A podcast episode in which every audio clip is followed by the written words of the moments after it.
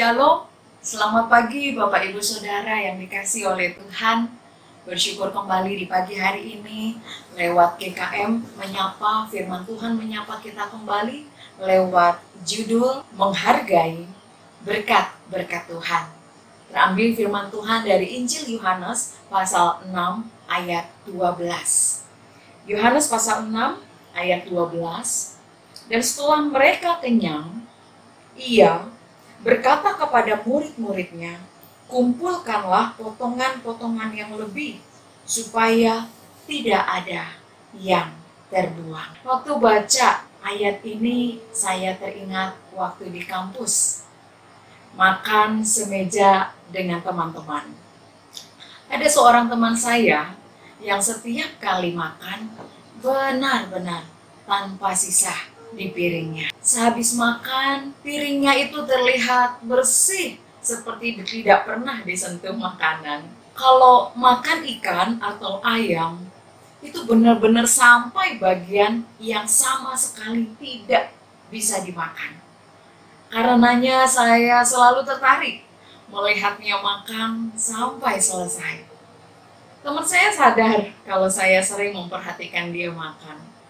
Maka dia pun menceritakan sebuah pengalaman ketika dia masih kecil bahwa suatu hari dia mengambil makanan begitu banyak dan tentu saja Bapak Ibu Saudara makanan yang dia ambil itu akhirnya tersisa.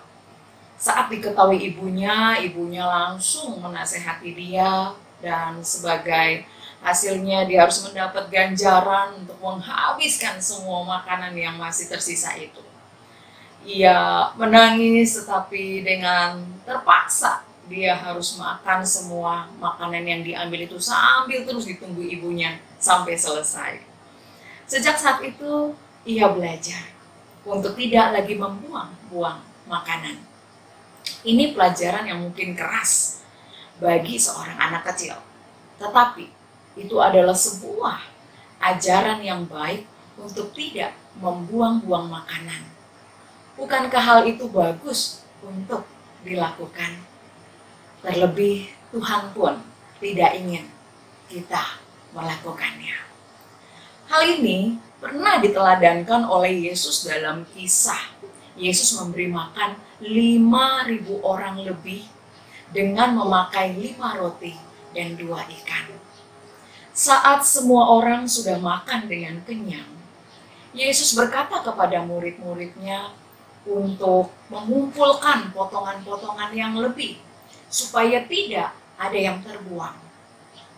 Dari semua Injil yang mencatat kisah ini, hanya Yohanes yang memberikan informasi yang lebih jelas bahwa pengumpulan makanan yang lebih itu adalah atas inisiatif Yesus sendiri. Di sini, Yesus memberikan teladan bagi kita tentang bagaimana tidak membuang jika ada kelebihan dari berkat yang ada pada kita. Karena ada orang lain yang membutuhkan berkat-berkat itu.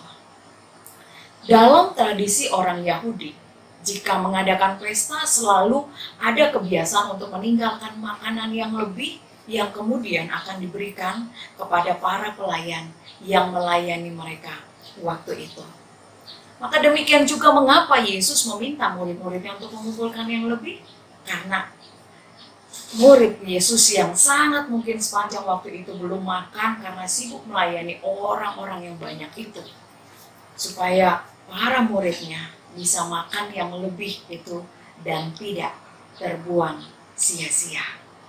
Sebagai keluarga Kristen yang diberkati Tuhan setiap harinya, mari kita belajar dari teladan Tuhan untuk tidak menyia-nyiakan berkat Tuhan. Bagi para orang tua, mari kita ajarkan kepada anak-anak sejak kecil untuk menghargai berkat-berkat dari Tuhan. Selain soal makanan, juga soal uang. Pergunakan semuanya itu sesuai dengan kebutuhan kita. Kalau ada kelebihan makanan atau uang, ingatlah bahwa orang lain begitu membutuhkan hal itu. Mungkin kita ada mungkin kita ingat ada jemaat kita yang membutuhkan. atau mungkin ada tetangga kita, atau juga mungkin ada keluarga kita yang lain yang sedang membutuhkannya. Andar Ismail dalam bukunya yang berjudul Selamat Berteduh, ia membuat doa seperti ini. Bapa kami dalam Kristus, betapa mudah kami menundukkan kepala dan begitu terbiasa untuk berdoa, mengucapkan syukur bagi hidangan di meja. Tidak disadari bahwa yang kami lakukan sebetulnya adalah membuat pengakuan bahwa semua makanan adalah hasil ciptaan dan milik Tuhan. Ajarlah kami menghargai makanan dengan cara tidak menyia-nyiakan. Biarlah tidak sebutir nasi pun tersisa, terbuang, dan tersia-sia. Biarlah tidak ada sebatang toge atau kacang, sehelai kangkung atau bawang, sepotong pepaya atau pisang yang tersisa dan terbuang.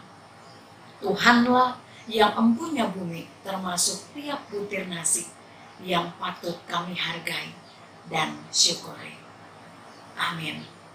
Kiranya kita sebagai keluarga-keluarga Kristen dapat belajar dan mengajarkan kepada anak cucu dari apa yang sudah diteladankan oleh Yesus dan diingatkan kembali dari doa doa Andar Ismail tadi yaitu menghargai berkat-berkat Tuhan. Karena itu sama halnya dengan kita menghargai kepada pemberi berkat yaitu Tuhan Allah kita. Amin.